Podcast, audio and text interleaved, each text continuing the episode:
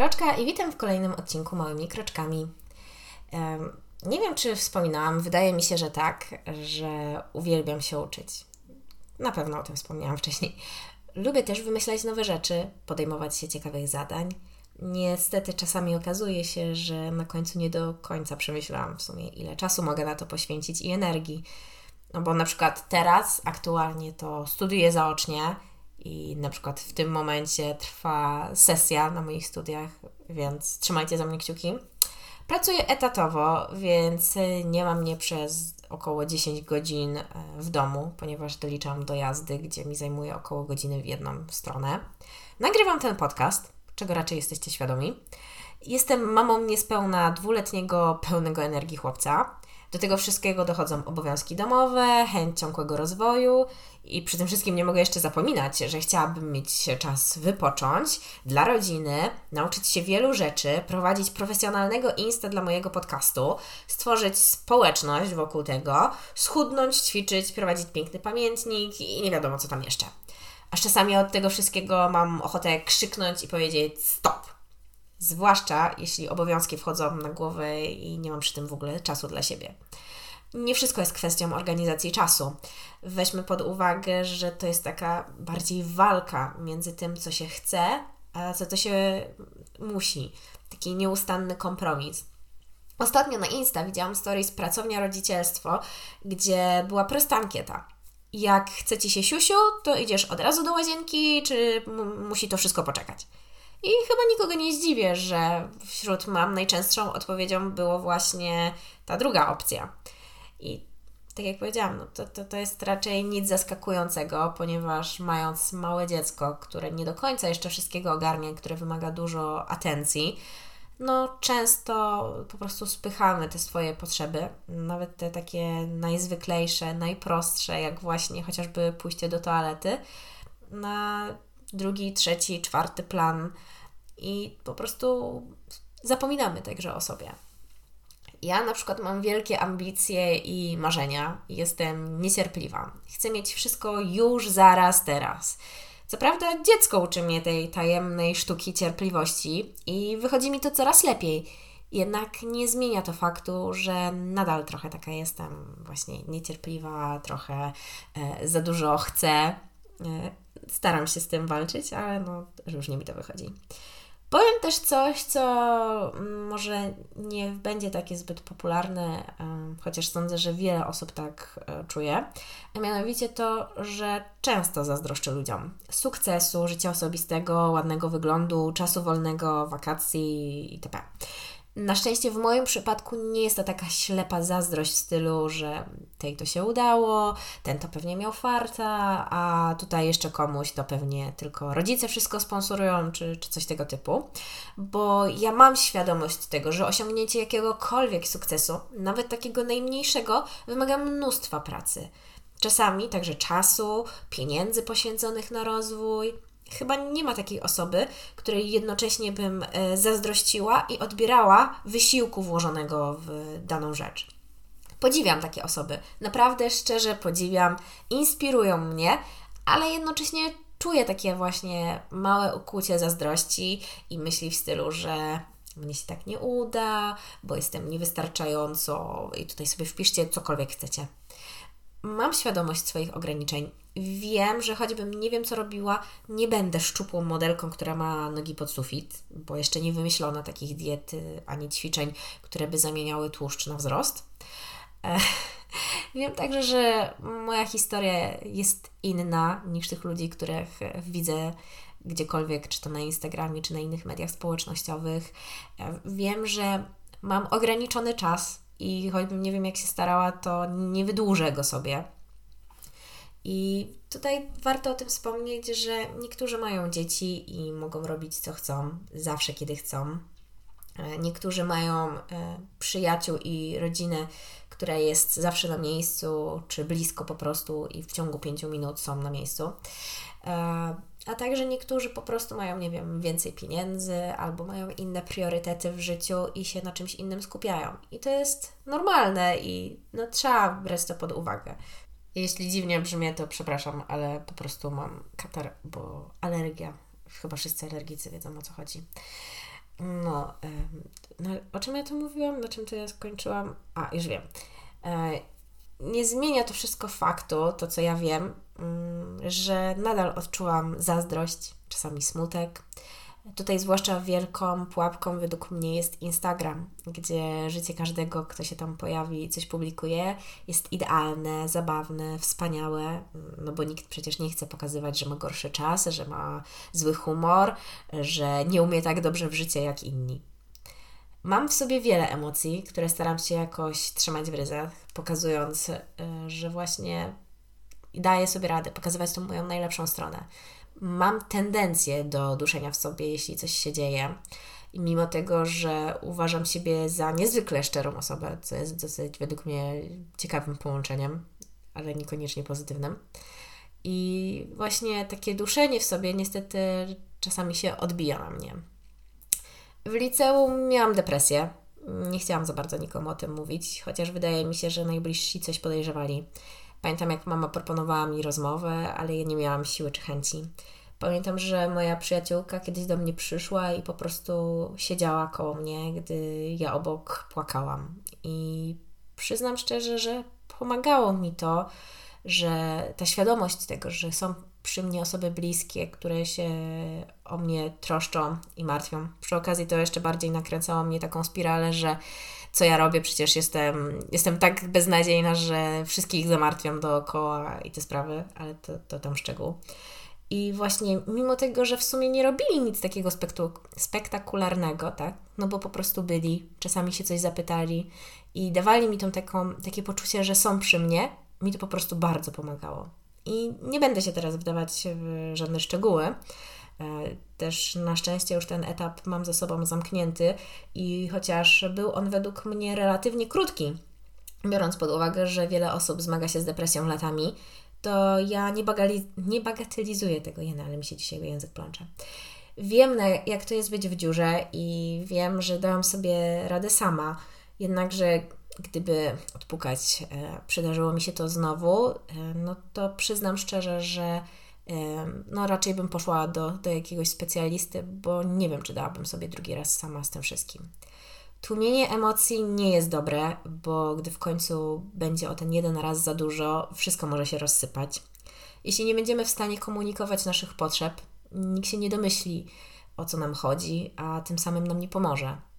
Więc takie duszenie powoduje, że tkwimy w tym stanie powolnego katowania się, licząc, że właśnie jakoś to będzie, że jakoś to minie, a jedyne, co dzięki temu możemy mieć, to pogorszone relacje z bliskimi, bo będziemy się od nich oddalać, wmawiając sobie, że jest ok. Jakby się zastanowić, dlaczego ludzie tłumią w sobie emocje, to mogłabym jedynie powiedzieć ze swojego doświadczenia, a właśnie przede wszystkim ze strachu. Ze strachu, że zostanie się zbagatelizowanym, słynnym, nie marudź, inni mają gorzej, ciesz się z tym, co masz, e, o co ci chodzi, weź idź pobiegaj, czy, czy coś tego typu. To jest chyba najgorsze, co może powiedzieć e, drugi człowiek takiej osobie w dole. Przyczyną może być także w moim, jak w moim przypadku takie poczucie porażki, że nie było się w stanie samemu sobie poradzić ze wszystkim, że nie byłam wystarczająco dobra, silna, że może czegoś brakuje.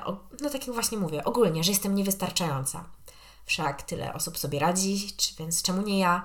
I teraz mając te myśli, jak ktoś powie, mnie też jest ciężko, ale daję sobie radę, no to co ma powiedzieć taka osoba? Chyba jedynie, no to gratuluję. Nie wiemy, co siedzi w głowie i w sercu drugiej osoby, więc może bądźmy po prostu wyrozumiali i nie pieprzmy takich farmazonów. Lepiej nie powiedzieć nic, niż coś właśnie pokroju tego powyżej, bo to tylko dobija i utwierdza w przekonaniu taką osobę, że to z nią jest coś nie tak, skoro inni sobie radzą. Osobiście nie lubię smaku porażki, tego, że nie spełniałam jakichś oczekiwań, że kogoś zawiodłam. Wiem, to chore. Nigdy nie dogodzimy wszystkim, a jeżeli nie obchodzą nas wszyscy, tylko konkretna osoba lub grupa ludzi, to zastanówmy się, czy aby na pewno są warci naszej uwagi, jeśli ich oczekiwania stoją wyżej od nas i naszych potrzeb. A może jest tak, że tylko nam się wydaje, że ktoś ma w ogóle jakieś oczekiwania wobec nas. Jestem osobą dosyć pokrętną, w tym sensie, że mało co mnie obchodzi zdanie innych na, na na przykład temat mojego wyglądu, ale jednocześnie gdzieś tam w środku mam ochotę pokazać wszystkim: patrzcie i podziwiajcie, jaka jestem wspaniała, jak mi się wszystko udaje. Emocje są dosyć skomplikowane. Wiem. Może kiedyś uda mi się nagrać jakiś wywiad z psychologiem albo psycholożką. Jednakże nie chciałabym zostawić tego tematu tak negatywnie, więc podzielę się z Wami moimi sposobami na radzenie sobie z emocjami. Jest to subiektywna lista, więc nie każdemu może pomoże. Sądzę jednak, że nie zaszkodzi spróbować. Pierwszy punkt pisanie. To jest niesamowite, jak bardzo pomaga mi pisanie. Od dziecka prowadzę pamiętniki i z różną częstotliwością w nich piszę. Pomaga mi to wszystko wyrzucić z siebie, jednocześnie nie bojąc się reakcji drugiej osoby. Co więcej, po napisaniu można wziąć głęboki oddech i spróbować zerknąć na to wszystko z innej perspektywy. Gdybyśmy usłyszeli takie rzeczy od jakiejś osoby nam bliskiej, co byśmy mogli mu poradzić? To bardzo fajne ćwiczenie. Polecam je, bo czasami zmieniając punkt widzenia, widzimy inne możliwości wyjścia z danej sytuacji. Oprócz pamiętników polecam też twórcze pisanie. Wiersze, piosenki, opowiadania, co kto tam woli. Dla mnie było to zawsze bardzo oczyszczające. Nadal w domu rodzinnym mam kilka zeszytów wypełnionych wierszami. Jedne są lepsze, inne gorsze, ale liczy się to, że mi pomagały. Szczególną rolę w moim życiu odegrało pisanie powieści. Przez okres mojej depresji to było coś, co mi pomogło z niej wyjść. Mogłam skupić się na czymś, przelewać swoje uczucia, myśli, jednocześnie dawać mojej bohaterce supermoce, dzięki któremu mogła pokonywać przeciwności, i wraz z tym, jak ona wychodziła ze swoich kłopotów, ja robiłam to samo. Powieść nigdzie nie została wydana, więc jej nie szukajcie.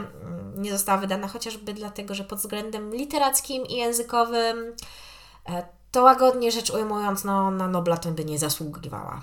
Ale jestem z niej przeogromnie dumna, bo stworzyłam coś, co ma ręce, nogi, odwołania do popkultury, legend, mitologii, co ma początek, rozwinięcie, koniec i ma prawie 200 stron. Więc według mnie jak na licealistkę, to było dosyć spore osiągnięcie. Następna rzecz to są Simsy. Brzmi może głupio, ale pomagało mi się to relaksować. Czasami tworzyłam osoby, które mnie wkurzają i uprzykrzałam życie tym ludziom Simom. I wiem, to, to okrutne i biedne Simy, ale cóż. Dzięki temu mogłam oderwać się i odreagować, nie wyrządzając przy tym nikomu krzywdy nie licząc tych cyfrowych postaci. Mam nadzieję, że mi wybaczą te wszystkie drabinki, znaczy te wszystkie baseny bez drabinek, zamknięte pomieszczenia i inne tam rzeczy. Ale no, to jeszcze właśnie oprócz tego, że dawało mi mm, taką możliwość tego odreagowania na tych osobach, które mnie denerwowały, to też dawało mi takie poczucie kontroli nad życiem. Mogłam decydować o wszystkim, a to dawało mi ogromną satysfakcję. Zresztą Simsy to w ogóle moja ulubiona gra i uwielbiałam zawsze tworzyć Simy, ich domy, czasami odwzorowywać domy, w których kiedyś byłam, tworzyć historie dla tych Simów i tutaj też e, ciekawa rzecz, ja nie byłam taką osobą, która e, po prostu tworzyła i porzucała, tylko ja faktycznie grałam tymi rodzinami i mój rekord na przykład to jest rodzina, która liczyła chyba 14 czy 16 pokoleń, i powiem Wam, że to było tyle fajne, że nawet kiedyś miałam taką sytuację, że mój sim spotkał na ulicy kogoś z tym samym nazwiskiem, które było dosyć nietypowe, no bo ja je sama wymyśliłam. I się okazało, potem patrząc na drzewo genealogiczne, że w jakimś tam stopniu jest właśnie spokrewniony z nim. To, to było fajne się. Pierwszy raz tak, tak zdziwiłam pozytywnie. Następna rzecz to jest muzyka. I tutaj chyba wydaje mi się, że to jest najpopularniejszy sposób na to.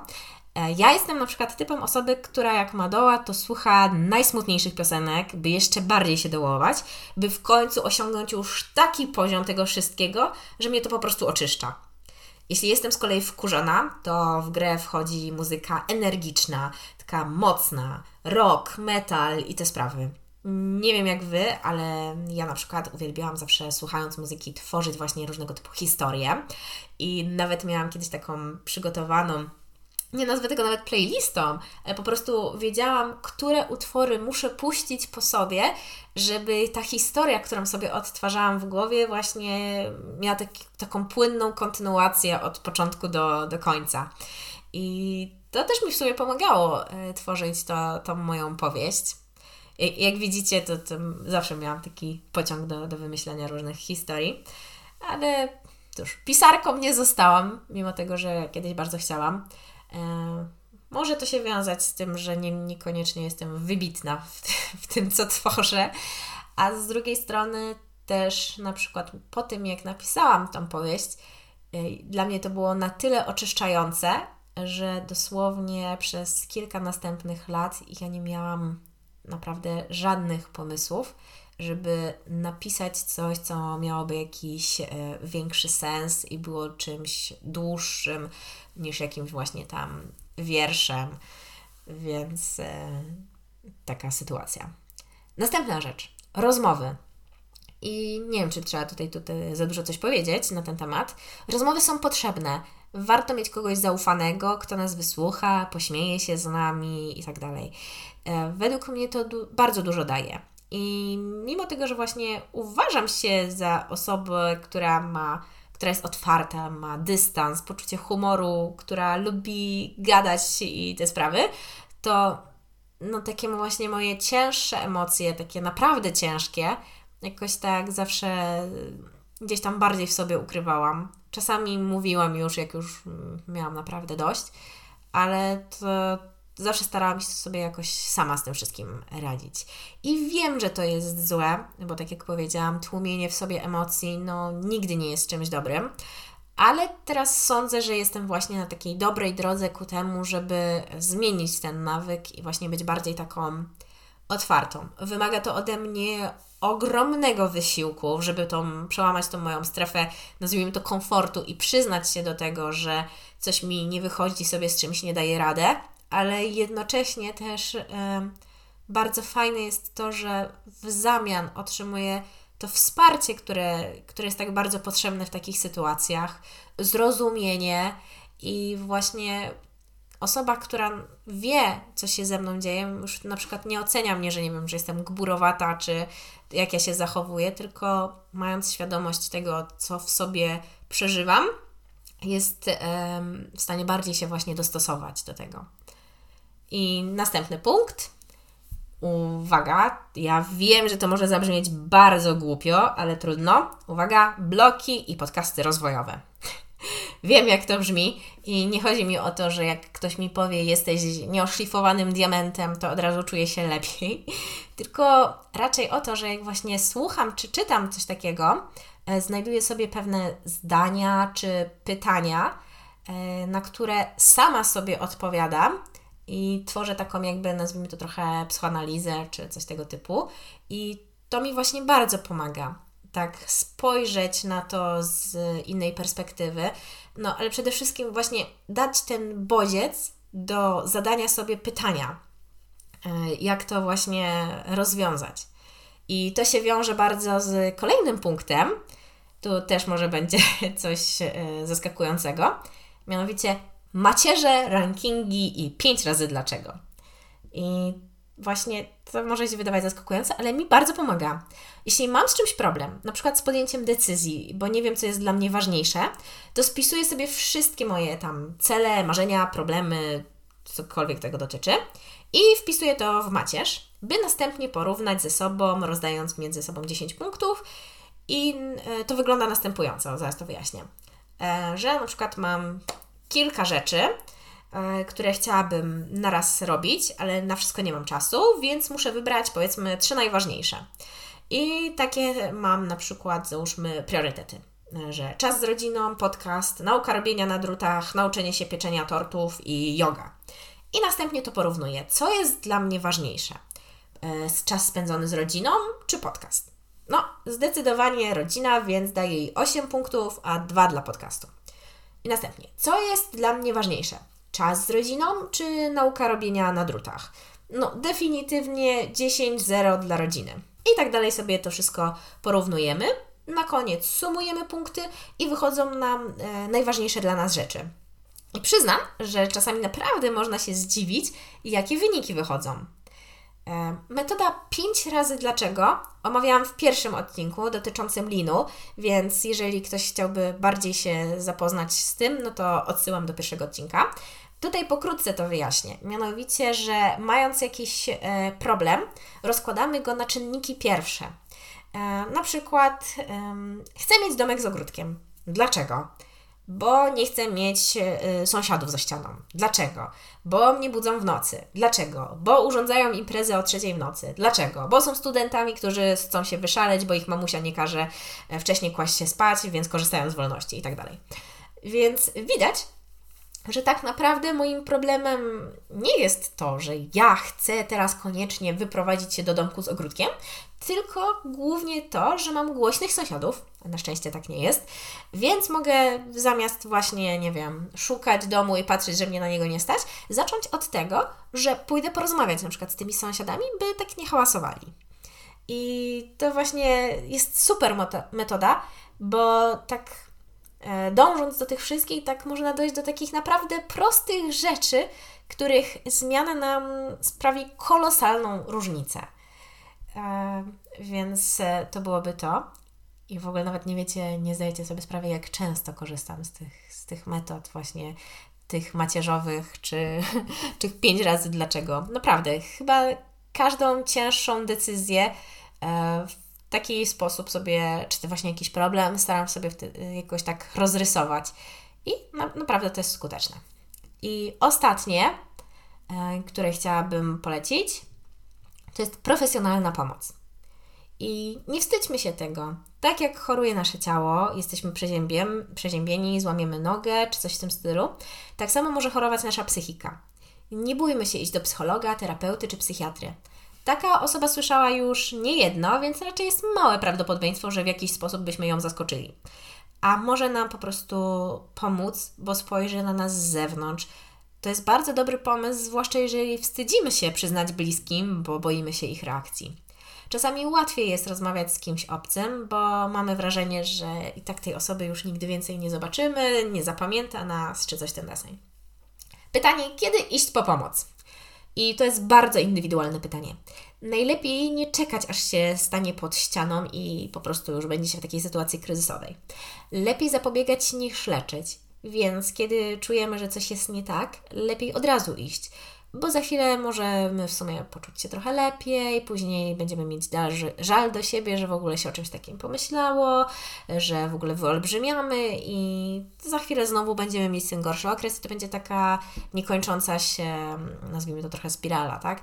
Więc jeżeli po prostu czujemy, że takie myśli, problemy często do nas nawracają i mamy jakiś problem, warto mimo wszystko pójść, nawet jeżeli w tym momencie mamy ten okres, który zazwyczaj trwa, nie wiem, kilka dni i jest lepiej, to naprawdę lepiej pójść i przedyskutować wszystko, żeby może już potem nie wrócić do tego gorszego stanu.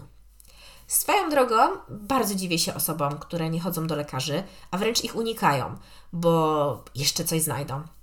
To jest według mnie tak idiotyczne, że nie mieści mi się to w głowie. Bo przecież lepiej jest coś znaleźć we wczesnym stadium i leczyć, niż męczyć się na sam koniec, y, by dowiedzieć się, że jeszcze dodatkowo sprawa stała się tak poważna, że za bardzo nie da się z tym coś zrobić, albo będzie to ogromnie kosztowne. Więc naprawdę warto się badać. I tutaj nie mówię tylko o kwestiach właśnie psychologicznych, ale ogółem o wszystkim, tak? Raz do roku powinniśmy chodzić na jakieś badania kontrolne, y, czy to właśnie też do, na cytologię, USG, no takie podstawowe rzeczy, bo naprawdę w każdym wieku może coś się zdarzyć, a tak jak mówię, lepiej e, zapobiegać niż leczyć. I to w sumie byłoby chyba na tyle, jeżeli chodzi o dzisiaj. Mam nadzieję, że Wam się podobało. Coś jeszcze mogłabym powiedzieć na temat emocji, to że warto sobie obejrzeć film Pixara W głowie się nie mieści, który właśnie mówi o emocjach i według mnie świetnie tam są przedstawione e, zarówno one same, jak i to, jak one się pojawiają, jaka jest ich rola, wartość e, i te sprawy. Więc jeżeli macie chwilę i chęć, to polecam naprawdę, żeby to obejrzeć. No dobra, to byłoby na tyle. Do usłyszenia w kolejnym odcinku. Cześć!